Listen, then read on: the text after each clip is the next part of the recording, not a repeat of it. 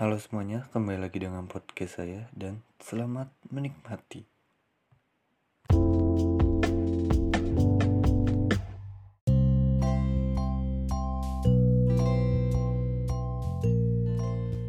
Pada masa ini, peran parpol dibatasi dengan PP nomor 7 tahun 1959 dan memiliki arah yang tidak jelas karena parpol bukan sebagai media untuk mengisi jabatan, melainkan hanya untuk menopang dan memperkuat pemerintahan Soekarno. Kehidupan kepartaian boleh dikatakan memperoleh peluang yang sebesar-besarnya untuk berkembang secara maksimal.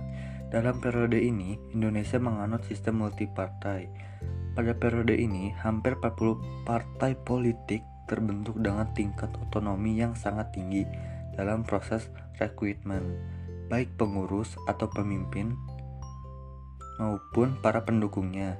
Campur tangan pemerintah dalam hal rekrutmen boleh dikatakan tidak ada sama sekali, sehingga setiap partai bebas memilih ketua dan segenap anggota pengurusnya.